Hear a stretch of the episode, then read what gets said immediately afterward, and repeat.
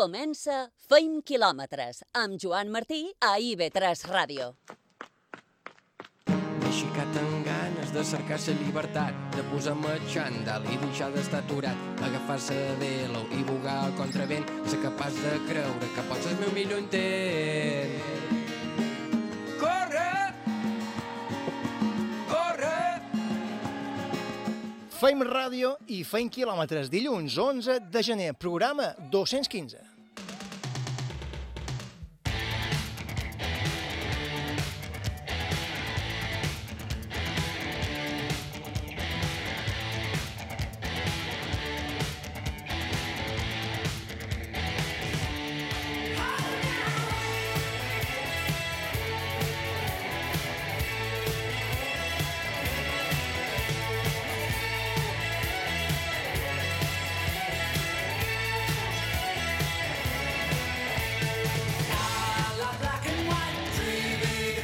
Ajornada la Challenge Mallorca, les noves restriccions per frenar la pandèmia de la Covid obliguen a ajornar la prova reina del ciclisme a les illes, prevista pel 28 al 31 de gener. Entrevistarem avui Joan Florit, Esfly, el ciutadallan que és un dels millors saltadors del món en la modalitat 2.5, conegut també com a freestyle o l'estil lliure del salt olímpic, quilòmetres arreu del món de bot en bot. Quins són els millors exercicis per començar o per reactivar l'activitat física després d'un període d'aturada? Ens ho explicarà Lucía Barca, fisioterapeuta, infermera esportiva i coach nutricional de Menorca Trainers.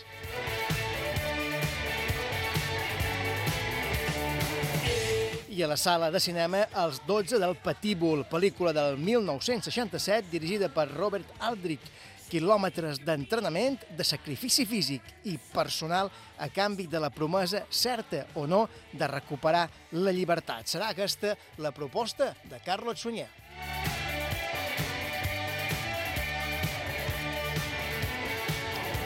Iker Hernández és el control tècnic, José Sallés a la producció i qui us ratlla, un servidor, Joan Martí. Començam.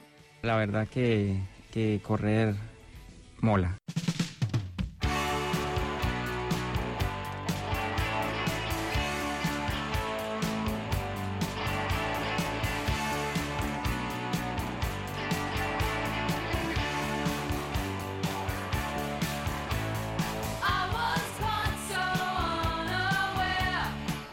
Bon vespre, José Sallés. José, com estem?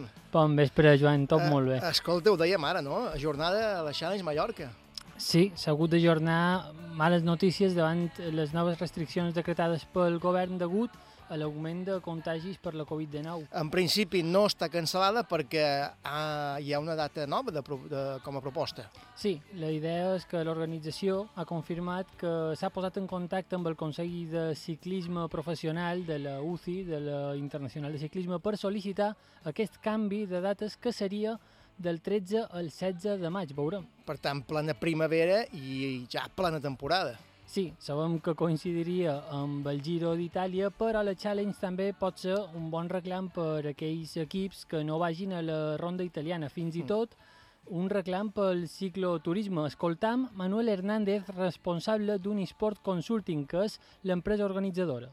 Encaja dentro de lo que es eh, la promoción turística, porque todavía estamos en mayo, encaja dentro de la promoción turística tanto para las instituciones de aquí como para, bueno, para seguir, si esto se puede poner en marcha todo una vez, pues eh, haciendo ver que Mallorca es un destino ideal para el ciclismo, ¿no? Para el cicloturismo.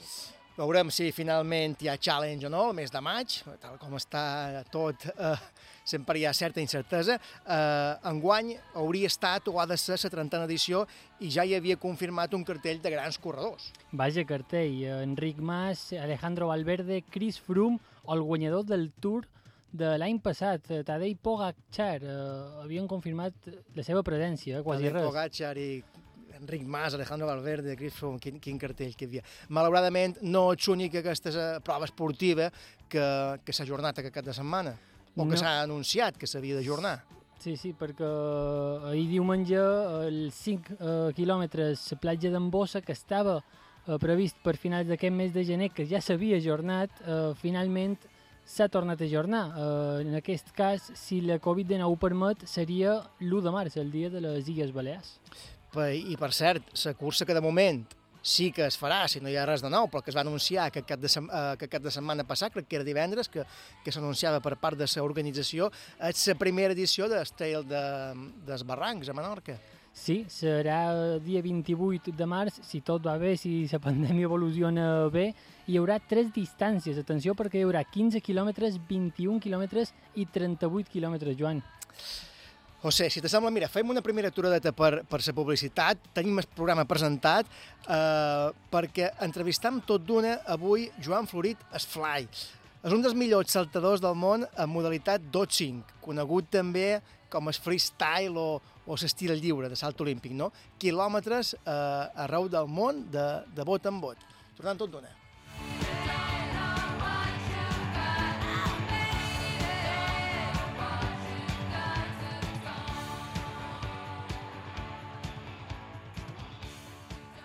Converses per sortir a córrer. El llibre de Fent quilòmetres. Disponible a les llibreries.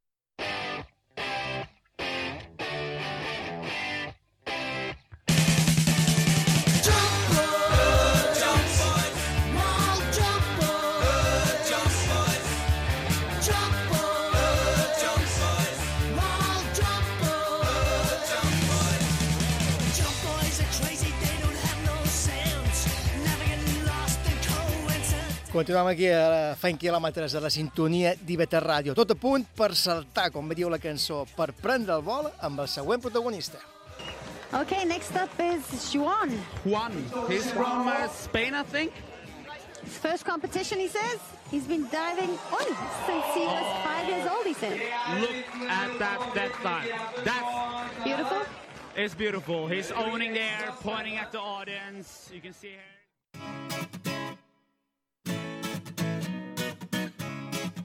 L'entrevista. Give me a reason to fly so high. I wanna live in the sky so high. I wanna see it tonight so high. So give me a reason to party or reply. Give me a reason to fly so high. Parlam avui amb un dels millors saltadors del món en la modalitat 12, conegut també com el freestyle o com el defineix ell, l'estil lliure del salt olímpic. Ha fet quilòmetres i quilòmetres a la recerca de la millor roca, el millor penyal o el millor trampolí, no, també? Viu, podríem dir, a la recerca de, del salt perfecte. Escoltàvem ara la retransmissió de la seva actuació al Mundial de Noruega, disputat a Oslo, on va acabar sisè del món. Entrevistam avui Joan Florit Esfly. Give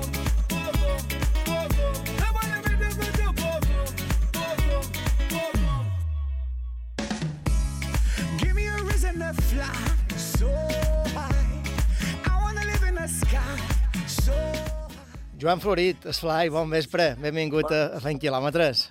Bona nit, Joan. Com estàs? Molt bé, he acabat de sopar i, i a punt per el que m'ha volgut Preparat, donar. preparat, eh, per respondre. Escolta, hi ha, hi ha gent que escala la roca, espanyals, eh, tu directament cerques aquest espa, aquests espais per fer el millor salt cap, a- cap a la mà, no? El 2017 vas aconseguir el sisè lloc en el rànquing mundial, mm, no és precisament aquest un esport molt conegut a, a Espanya, ara ens explicarà exactament també què consisteix, però com arribes, Joan, a, a competir a nivell o a escala internacional? Bueno, eh, la història és que aquí a Menorca aquest tipus de bot és, és, és molt tradicional, és molt cultural, i nosaltres, des d'aquí, eh, els que saltam-nos pensaven que era algo únic, i resulta que no. Pues, fa uns quants d'anys Red Bull va fer un petit vídeo de, del Mundial de so i van descobrir que per tot el món pues, també saltaven d'una forma, si no igual, eh, molt similar. Cada, cada part del món té les seves diferències, i aquests anys que, bueno, que està competint té vist eh, els diferents orígens diferents parts del món i la part més important aquí on t'ho duen més fort és a Noruega. Allà, allà va molt, és un esport molt reconegut i que la gent li agrada molt. com, com a esport a Noruega és més eh, reconegut, mm, aquí no ho és tant, però mm, suposo que aquesta afició, com bé contaves ara, sorgeix de ben petit, ja, no? Quan te tiraves a les roques de Cala Embrut, o de la platja Gran, o de Cala Morella, Sí. és igual, o de qualsevol racó de, de, de Ciutadella i de Menorca, no? Sorgeix un poc com, com, a, com a hobby, no?, d'estiu, això, imagino.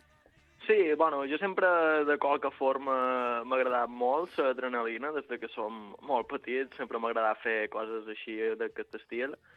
I la veritat és que vivia ben davant de, de la platja gran, des de la finestra de casa meva veia les roques, i els cap vespres amb la mama anàvem a nedar a la platja petita, i antes de saber nedar jo ja saltava, diguem, a la, a la mà des de les penyes i, i quan feia fons anava fent botets fins a sortir a la platja i així tot el cap vespre.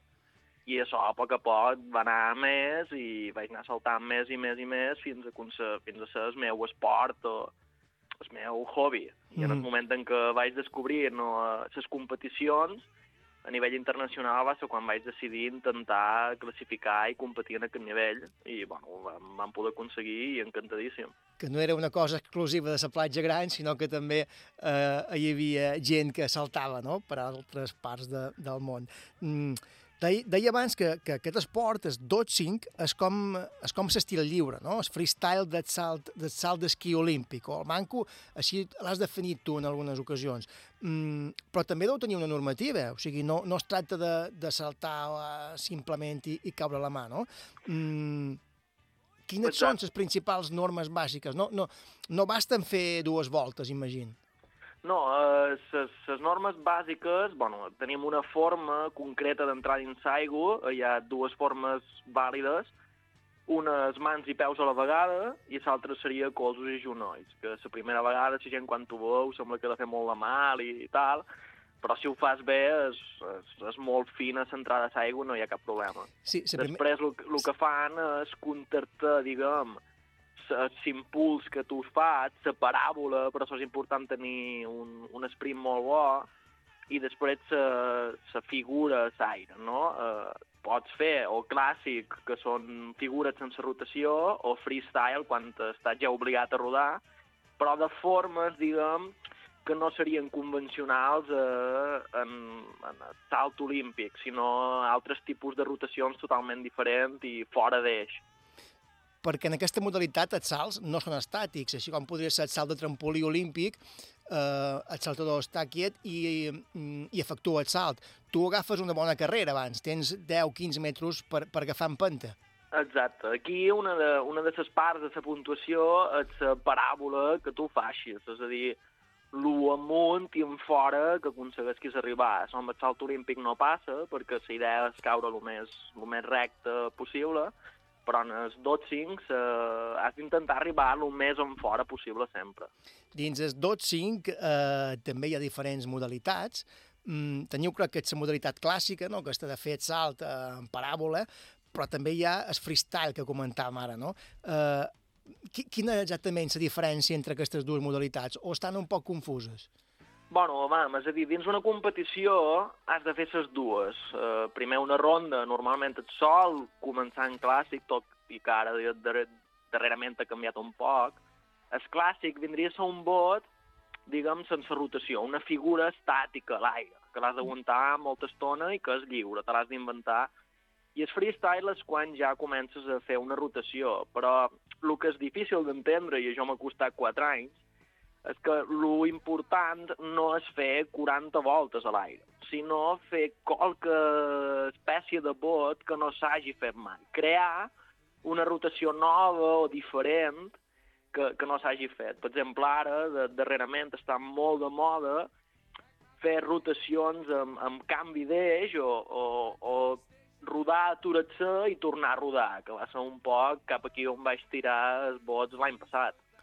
Per, per tant, podríem dir que aquest eh, és un esport on se té molt en compte també, encara que no ho pugui semblar, la part creativa de, de, Sí. de l'esportista, del saltador. realment és, és que per jo és, és el que més m'agrada i, i el més important, i és ser creatiu, és ser capaç d'una cosa, eh, de, de crear un bot diferent, vull dir que sembla que ja està tot inventat, però cada any sempre surten saltadors fent coses que, que no s'havia vist mai, i, i això és lo, és lo difícil i a la vegada polir, no? Jo sempre he dit que tots de qualque forma som artistes, hi ha gent que escriu de forma espectacular, gent que toca música increïblement, gent que pinta, I, bueno, nosaltres, pues, cream aquesta estètica a l'aire, aquesta forma de volar, i cada un té la seva pròpia forma i estil. I hi ha, dins aquestes dues modalitats o dues mm, diferents disciplines dins del mateix esport, una alçada mínima per considerar que un salt sigui competició? Exacte. Sempre estem xerrant de que com a mínim han de tenir 10 metres. Eh, I a partir d'aquí no et sol saltar més de 12, 13. Si 10 és estar com a mínim a 10, però el més pròxim a 10. Això fa que no sempre saltem a plataforma, sinó que hi ha competicions una vegada recordo una de molt polida que van saltar un fiordo i van muntar la plataforma damunt un barco molt gros. I clar, no eren 10 exactes, sinó que eren uns 11 i cosa. I clar, mos permet, mos permet poder anar a diferents bandes que dins del salt olímpic no podríem. Has saltat, com dius, de, des d'un fiordo, des d'una de, des de una embarcació històrica, també des de trampolins eh, cap, a, cap a piscina, no? a competicions. On t'agrada més, Joan? A, quin, quina, és la teva, quina és la teva especialitat? Uh, jo m'agrada molt saltar de, de plataforma, perquè la plataforma t'ho fa molt fàcil. És que la plataforma pues, a una piscina no, no és tan polit com un fiordo, com un pont o com enmig de la mà damunt un barco, però la plataforma te permet fer coses eh, molt, molt polides, molt increïbles, perquè pots agafar una carrerilla molt bona, saps que sempre fa 10 metres, i te permet fer molt més. I jo crec que jo m'agrada molt saltar en plataforma, perquè a Menorca no en tenim cap i, i clar, de, agrada el que no tenim. El qui salti sempre a plataforma potser vindrà aquí a Menorca, se n'anarà a un penyal i li agradarà més que, clar, home, la imatge de veure com salteu des del fiordo és espectacular. És espectacular, i després el dibuix que feis, eh, sensacional també.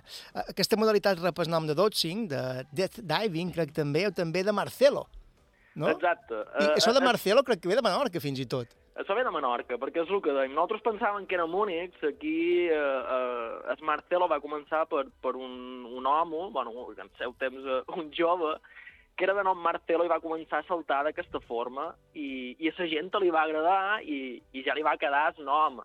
A Noruega el seu inici és una altra història i és que es colaven a, a la piscina de, de Frogner a saltar i saltaven d'aquesta manera. A Hawaii sé que és una espècie de ritual eh, una forma molt més religiosa i es tiraven no, de, de penyals que hi havia així, vull dir que cada part del món té un inici diferent que acaba seguint uh, una entrada dins aigua molt similar i la nostra va ser que toma un Marcelo que, bueno, li hauríem de fer, eh, jo crec, un, un reconeixement qualque dia sí, pòstum. Sí, perquè, perquè... sempre havien sentit dir que feu, botar una roca no era fer un Marcelo, però no sabíem que, que vingués de, de, de Menorca. Escolta, quan tu saltes, quan votes, crides allò de, de Jerónimo també, o no? bueno, eh, enguany haurem de cridar Jumanji per, per acabar el joc, diuen. Sí, no? Perquè això de cridar Jerónimo, crec, José, que, que també és ben curiosa la seva història. Sí, perquè té un origen, ve de la pel·lícula La venganza índia, és una pel·lícula de 1939 sobre la vida de l'indi Jerónimo. En una de les escenes el protagonista havia de saltar d'un penyal i el moment just va, de saltar va cridar Jerónimo eh, un regiment de paracaigudistes nord-americans va veure aquesta pel·lícula just dia abans de fer el seu primer salt i tots, abans de llançar-se, com a la pel·lícula, van cridar allò de Jerónimo com una manera d'espantar la por, no? Veus, tot, té, tot, té, tot té un inici sempre, no? Uh, comentaves que ara hauràs de cridar Jumanji, dius. Exacte. uh, uh, entrevistam avui en Joan Florit, es Fly, eh, és un dels millors saltadors del món en la modalitat dodging, conegut també com el freestyle, eh, estil lliure de, de salt olímpic, no?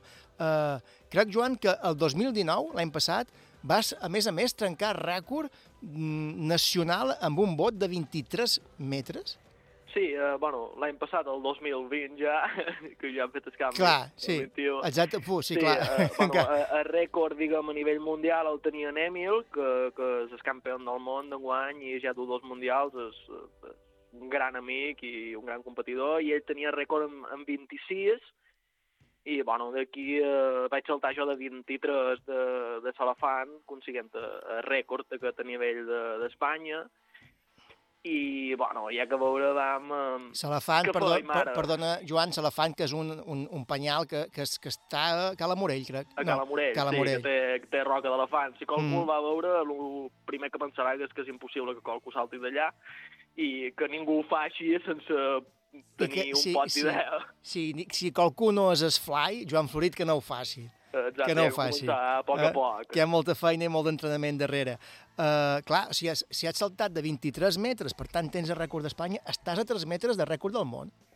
Sí, bueno, eh, són haurien de ser un poc més de 3, perquè ha que, ha que passar-lo, haurien de ser 4, però és que... Des Bé, estàs a 3 d'igualar-lo, vull dir... Exacte. Eh, Des d'aquesta altura, però, ja la velocitat és, és molt forta. Pensa que de 23 metres entres a l'aigua pràcticament uns 70 km per hora, si fas el càlcul, i, i a que puges un metro et suma molt més la velocitat, és, és Com, exponencial. i... com més puges, més velocitat agafes, no? Clar, Ma- manco temps, manco temps 26 allà per metres- cridar, per cridar Marcelo, Jerónimo o Jumanji, no? Estic pensant que de, de 27 eh, calcul que serien uns 80 i alguna per hora i, i ja fu, eh, no, sé, no sé què faré. Eh, veurem si estiu que ve vam com es presenta, com me trob físicament i si ho podem provar.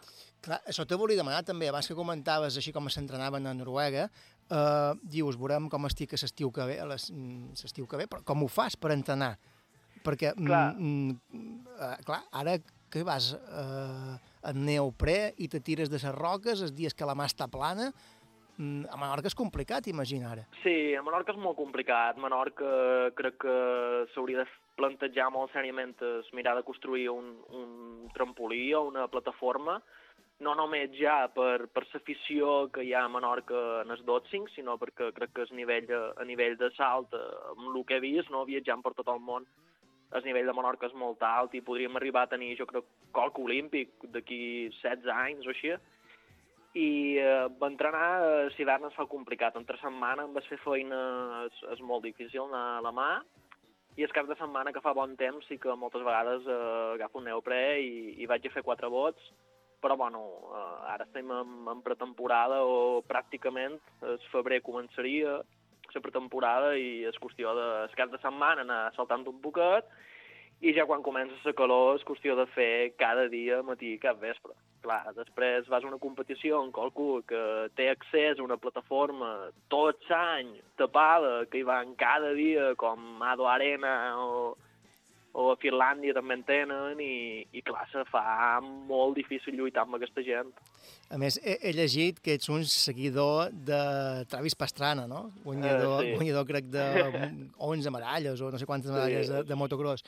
Una llegenda de Just Games. Sí, estil lliure, en el seu cas. També t'atreveixes en la moto, tu? Sí, bueno, jo competia en moto fins També- fa... també he competit. Tenc... Amb, amb Sabelo, amb Sabelo t'han vist, ara per Nadal. Exacte. Tira't a la mà i tot. En moto vaig eh, del lot competia i fins fa relativament poc i bueno, va, vaig guanyar do, dos campionats de Balears, un de, un de supercross i un de cross country.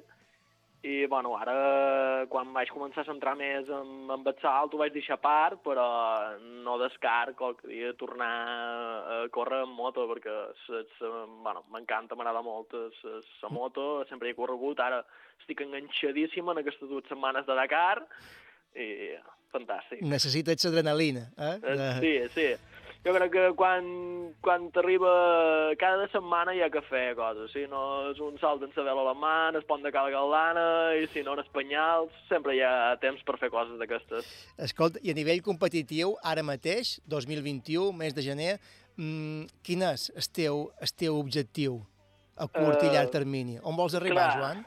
Uh, enguany eh, és molt complicat perquè no sabem què passarà. En aquestes altures normalment ja tenim un calendari, ja sabíem que normalment la primera de març hi havia un primer, el primer Europa Internacional, hi havia el Winter Superstub, però clar, enguany no està ni organitzant ni sabem si podrem viatjar i no sabem com està la cosa. Al final jo salt perquè me fa feliç, m'ho pas molt bé, quan arribes bon temps vaig a les roques cada dia perquè som com un fiat petit i si puc, si me veig en capacitat per intentar classificar, que no sabrem com serà la manera, pues intentar classificar i competir un any més en el Mundial i si no classificam, pues, tan feliç, seguirem a Cal Embrut, eh, ajudant a tothom que vulgui començar i faguem més amics cada dia i fantàstic. A més, en els vídeos que, que penges a YouTube o les fotos que, que, que te fan, eh, es veu clarament que els teus entrenaments són un autèntic espectacle, perquè sempre hi ha públic. Sí, sí, sempre... A, a més, és un esport que no pots fer tot sol, perquè si passa res eh, hi ha d'haver qualcú de vora, sempre estem acompanyats, i crec que la gent que salta aquí a Menorca som, som una gran família, ens ajudam tots, eh, intentam els turistes que venen quan ens veuen ajudar-los i que ningú es faci Ah. mal i, i és lo polit també d'aquest esport, no? Eh, a nivell de... he fet amics per tot el món, puc anar a qualsevol banda ara mateix i, i tenir casa i anar a saltar i veure coses espectaculars i, i és lo polit de l'esport, no? Que, que d'aquesta forma fas més amics i coneixes gent i, i és, és, és lo polit. I tant. Ara que ratllaves de, de sa família, Joan, eh, a casa teva, que, que te diuen? Mira que hi ha esports per triar, t'has d'anar a tirar d'espanyals. Bueno, jo crec que mon pare està acostumat de, des de petit a que sempre hagi tirat cap a aquests esports més, eh, més descàrrega d'adrenalina, més extrems. Que sempre m'he dedicat a fer aquestes coses, si no he estat skate, he estat BMX, si no he estat... I, i ja estan acostumats i saben que al final eh, eh, es farà on i tots sabem on són els nostres límits i fins on podem forçar. No, no té per què ser més perillós que anar a fer una excursió en vela de muntanya pel camí de cavalls. Al final, cadascú I- sap fins on pot arribar. I sobretot el que comentaves abans, no? Si no saps, que, si no saps què fas, no vagis a eh, tirar-te de salafant, no? Igualment, si No, no saps el sí, que fas, exacte. no agafis la moto i te'n vagis a Dakar. I encara que vegis qualcú que salta, sempre demanar, mirar sempre els fons que tenim, no anar tot sol, eh, saber que si mos feim mal hem de tenir qualcú que mos pugui treure fàcil de dins l'aigua, perquè no només és saltar, és, és es poder sortir. Hem d'intentar fer-ho bé i en seguretat perquè això sigui un esport i no una locura. Mm. Amb risc, però amb seguretat, sempre, no? Exacte. Joan Florit, es fly de Ciutadella i un dels millors saltadors del món en aquesta modalitat del dodging, conegut també com el freestyle o l'estil lliure del salt olímpic. Joan, eh, un plaer que hagi estat avui aquí a Feint Quilòmetres i, i res, molta sort en les futures competicions. No sé si seran dins aquest 2021 o si el 2022 podràs tornar a competir a nivell mundial, però segurament que, que si tornen les competicions allà t'hi veurem. Eh, molta sort, Joan. Moltes gràcies per convidar-me aquí i abans si enguany guanyem un Mundial per primera vegada eh, seria fantàstic. Si guanyes el Mundial aquí, te cridam segur. I si no el guanyes també. Han de- fer una altra entrevista d'aquestes. Fantàstic. Una, una abraçada, Joan. Una abraçada, bona nit. Bona nit.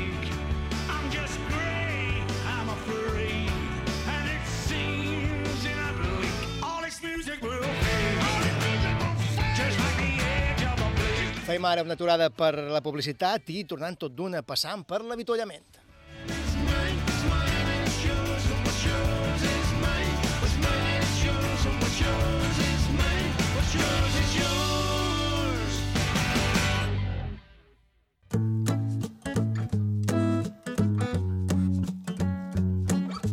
L'avituallament.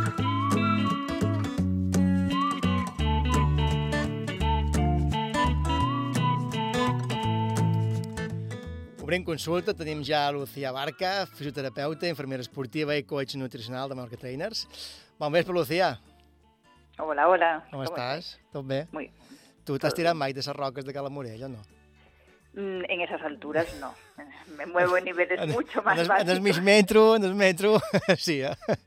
Máximo Eh? dos y ya. Màxim dos. Jo no sé si arriben els dos ja avui en dia. Quan eren joves sí, però eh, so que, que es fly, que voti de l'elefant, que, Sí. que és la seva especialitat.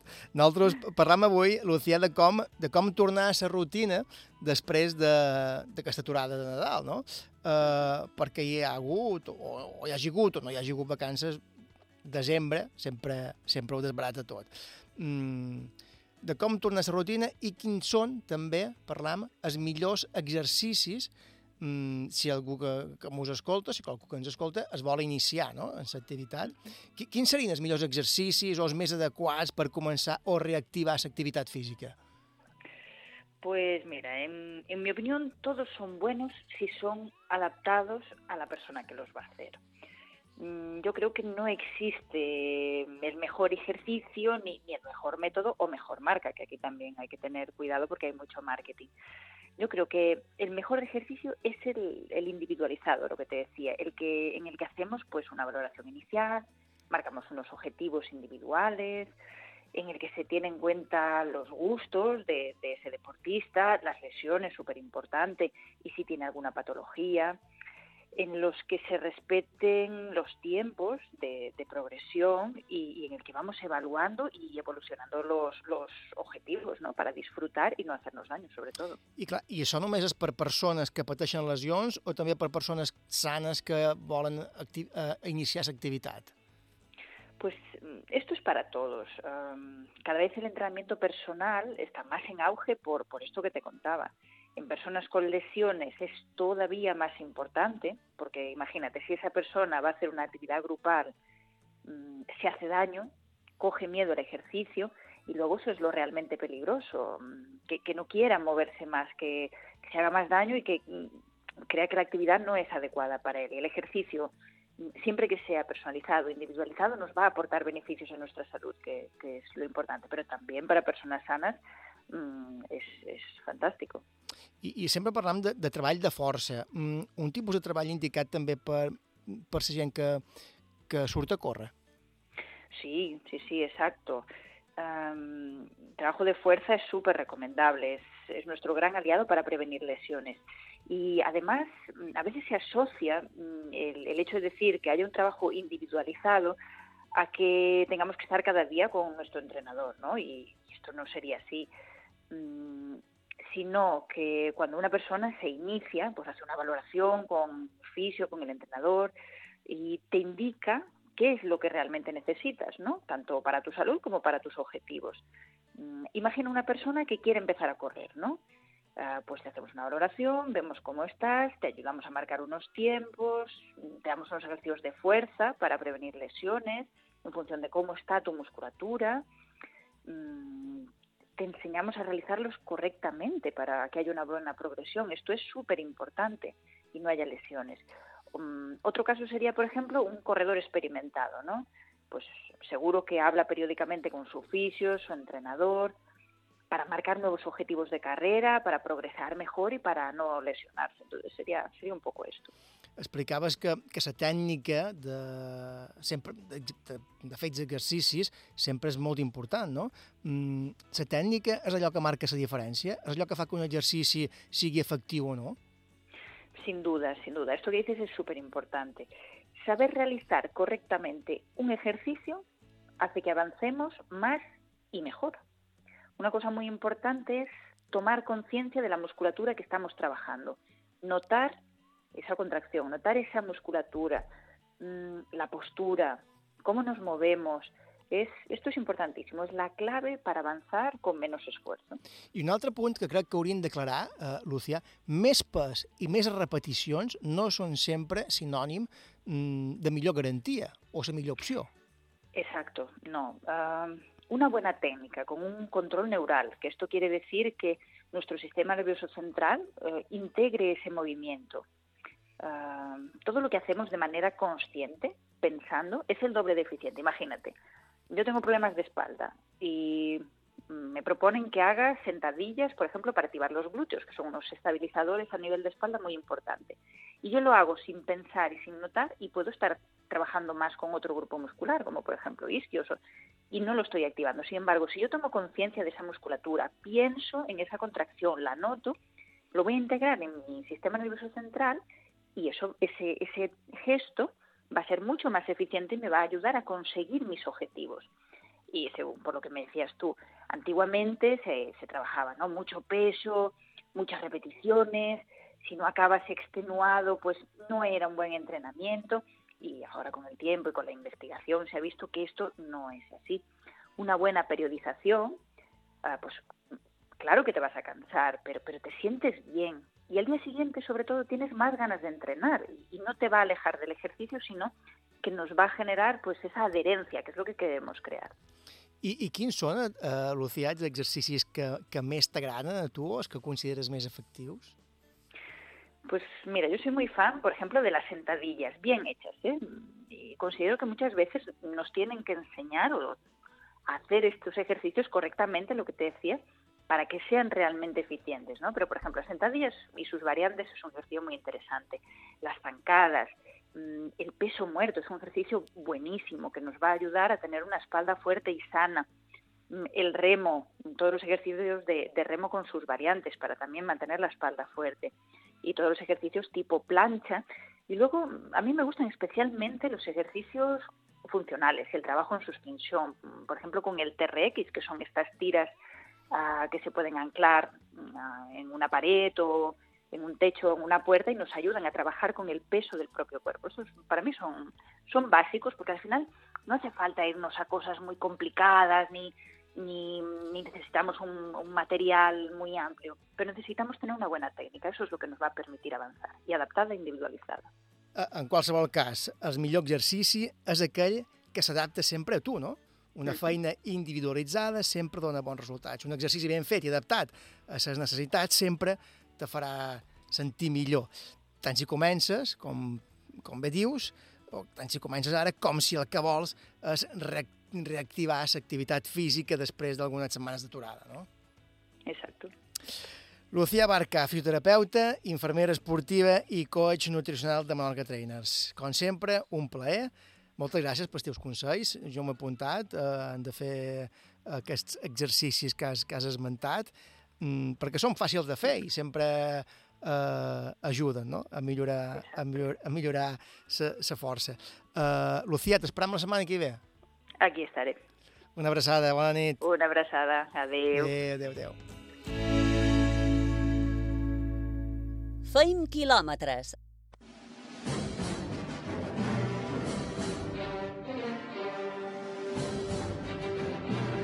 La pel·lícula.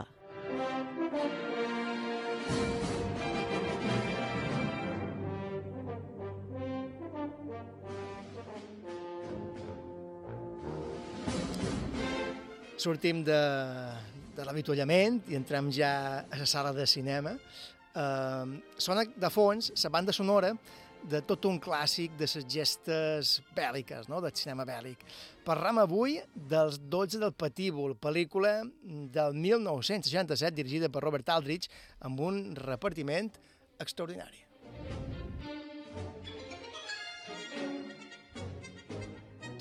Carlos Sonyer, corredor, professor, alpinista, crític cultural de Feint Quilòmetres, eh, 2021 encara no ho havia dit, crec que la presentació s'havia de fer. S'havia de fer, sí.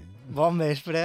Bon vespre, Joan. Benvingut un dilluns més a Feint Quilòmetres. Un plaer estar aquí. Escolta, els 12 del Patíbul, els 12 del Patíbulo, o en versió original de Dirty Dozen, no? Es diu, diu sí, així? Sí, Dirty sí. Dozen. En primer lloc, Carlos, qui, quin és l'argument d'aquesta pel·lícula? Mira, és molt interessant perquè The Dirty Dozen de, de Robert Aldrich eh, va marcar una diferència de cinema bèl·lic. Tu has explicat, has dit que era un referent de cinema bèl·lic i èpic, és veritat, però també va trencar molt, eh, moltes eh, l'estil d'aquest tipus de cinema que es fa fins a aquell moment. En Robert Aldrich era un mestre un molt competent, eh, un bon coneixedor de la indústria cinematogràfica, especialment per la Metro, ja havia fet Veracruz, eh, després autor de, que va ser de Baby Jane o El vol del Fènix, i ell que va agafar a partir de la novel·la d'Ewin Nathanson eh, varen crear un guió molt atrevit. Eh? No us sembla, és, perquè, clar, l'argument es centra en el major Reisman, interpretat meravellosament per Lee Marvin, que és un oficial eh, que va demostrar ser valies a Itàlia, a la Segona Guerra Mundial, i és un tio difícil, és un tio que eh, és indisciplinat dins la jerarquia militar, però després aplica una, una disciplina duríssima eh, a les instruccions. Clar, aquesta, aquest conflicte que té ell en tot, aquesta, en tot el sistema militar serà molt interessant perquè és molt autocrític i no s'havia fet eh, fins en aquell moment. Um, ens ajuda la gent Bauren i amb la confiança del general Warden li donen la missió d'anar amb un comando de 12 condemnats, eh, que són violents, que són rebels, que són difícils, a França, a Rennes, Rennes concretament a un xató on hi haurà una festa i en aquesta festa estan congregats eh, oficials d'altíssima graduació nazi, poc abans del desembarcament de Normandia.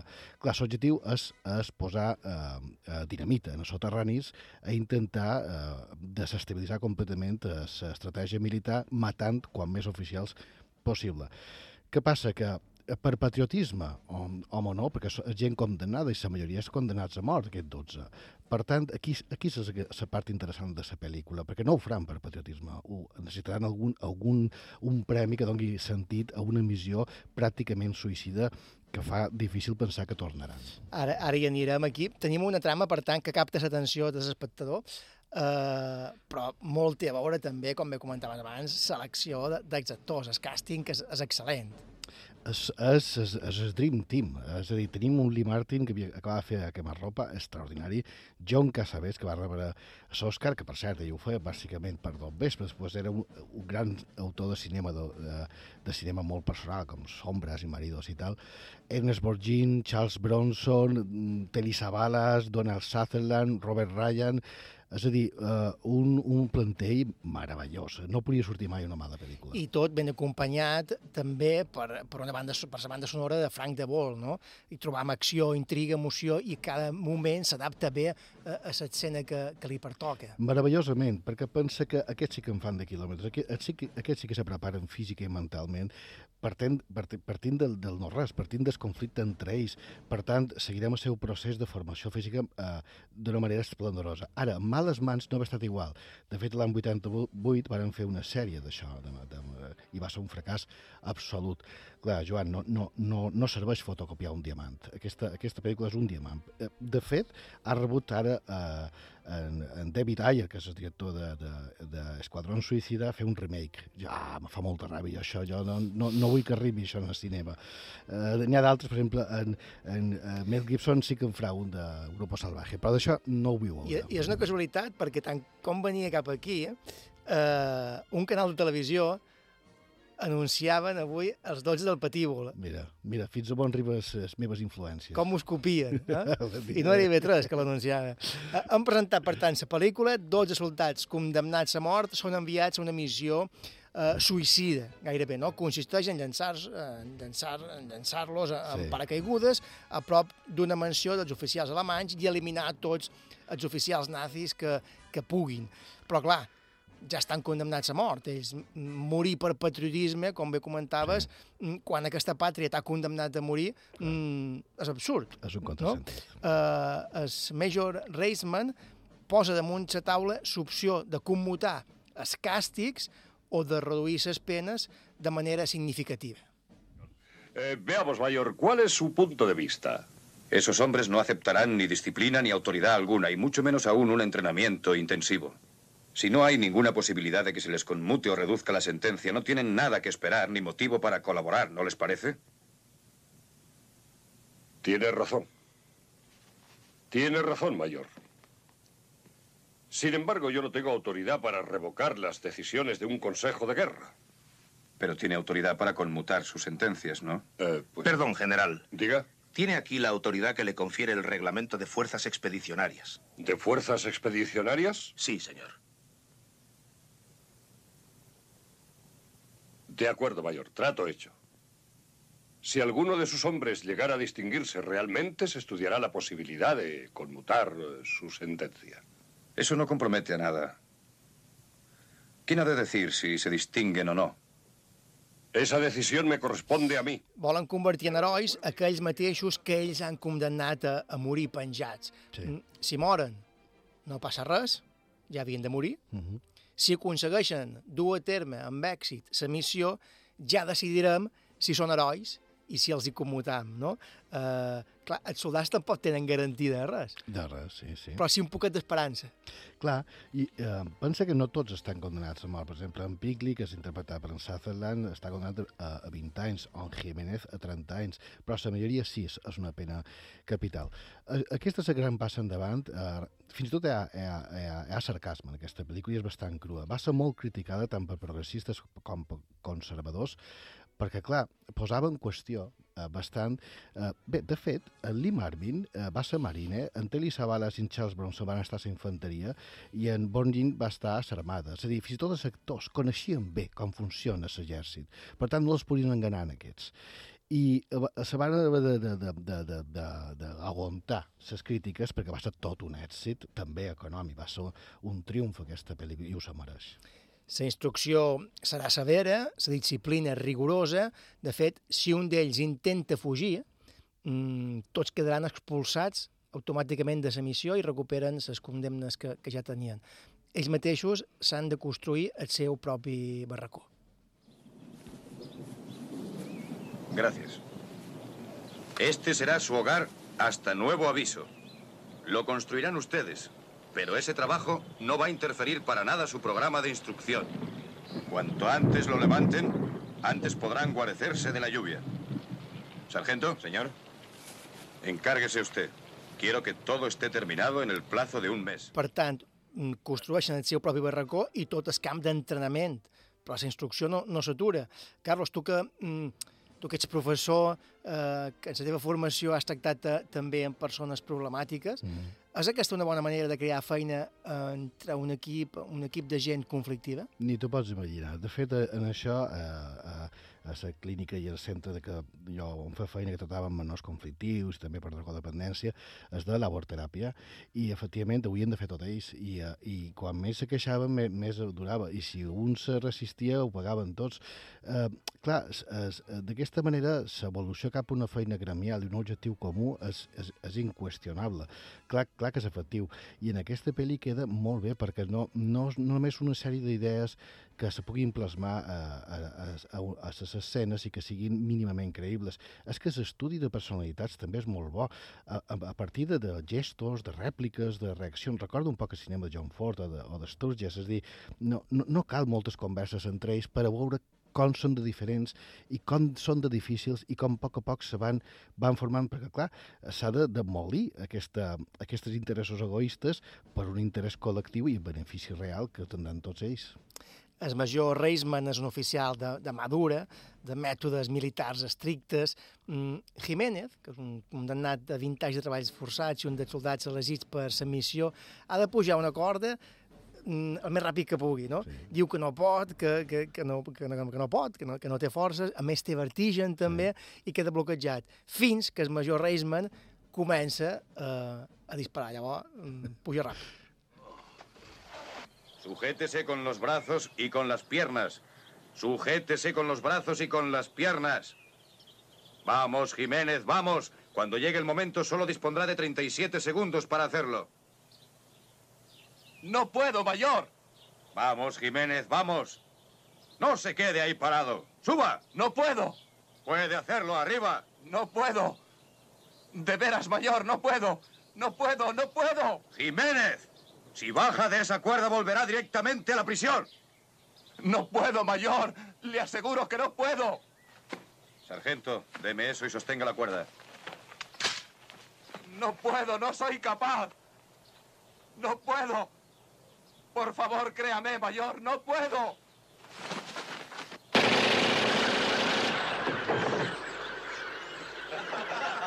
Miradle cómo trepa, es un mono.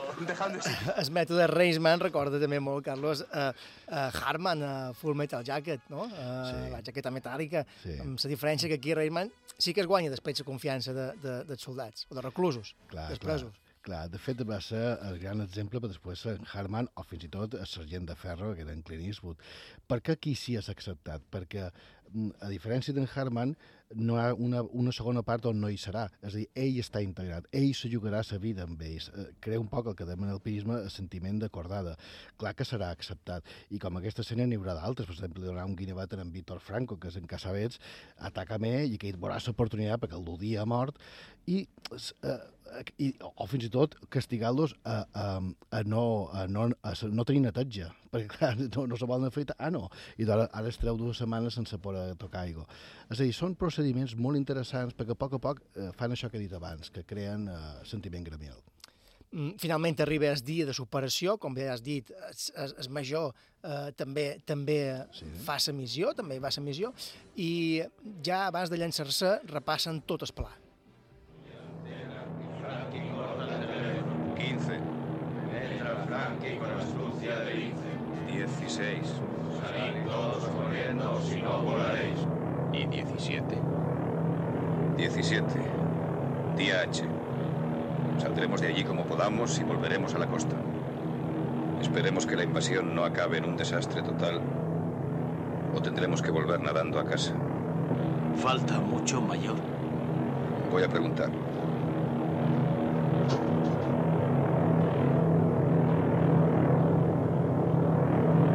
¿Estás preocupado por lanzarte de noche? Por la vuelta. Clar, per la Vuelta són homes condemnats a mort, no tenien por de res ni tampoc res a perdre, tot els era igual, mm, però ara sí que tenen por. Clar, perquè clar, una cosa és saber que un dia se, se durà a terme l'execució i l'altra que ja estan en l'avió.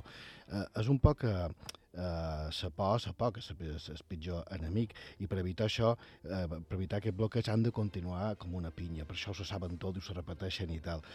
Home, és una dansa amb la mort, i això està plena de magnetisme per a nosaltres com a espectadors, però per ells ha de ser terrible, no? I, i te, te, te fan sentir quan tu vols, especialment quan estan en aquest avió, molt abans de tirar-se, perquè és, és santesada, no? Clar, a més, els que estaven condemnats a mort ja havien assumit no? Sí. el seu final, quan han vist aquesta petita llum, tornen a tenir l'esperança de, Clar. de continuar en sa vida, Clar. i ara que veuen que tornen a estar, potser, o tal vegada, Sí. a punt de, de morir, Se pot, tornen aquest llum se pot apagar. tornen sí. a tenir aquesta por. Sí.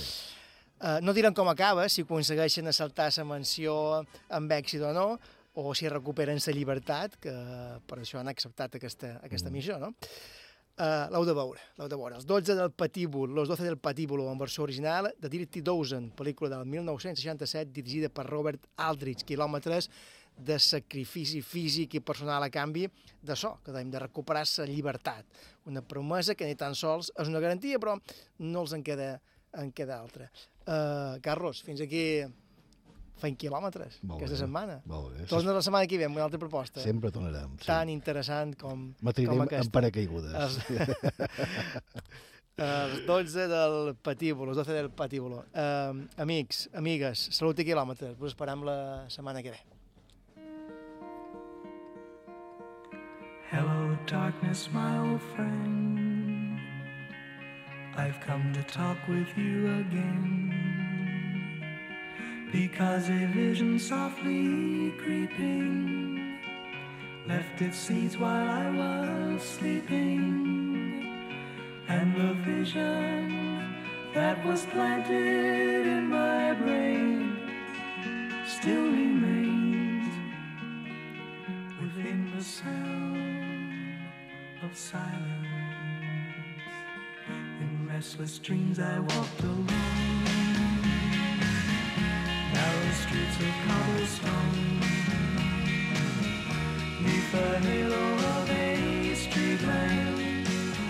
I turned my collar to the cold and damp. When my eyes were stared by the flash of a neon light, it split the night and touched the sound of silence.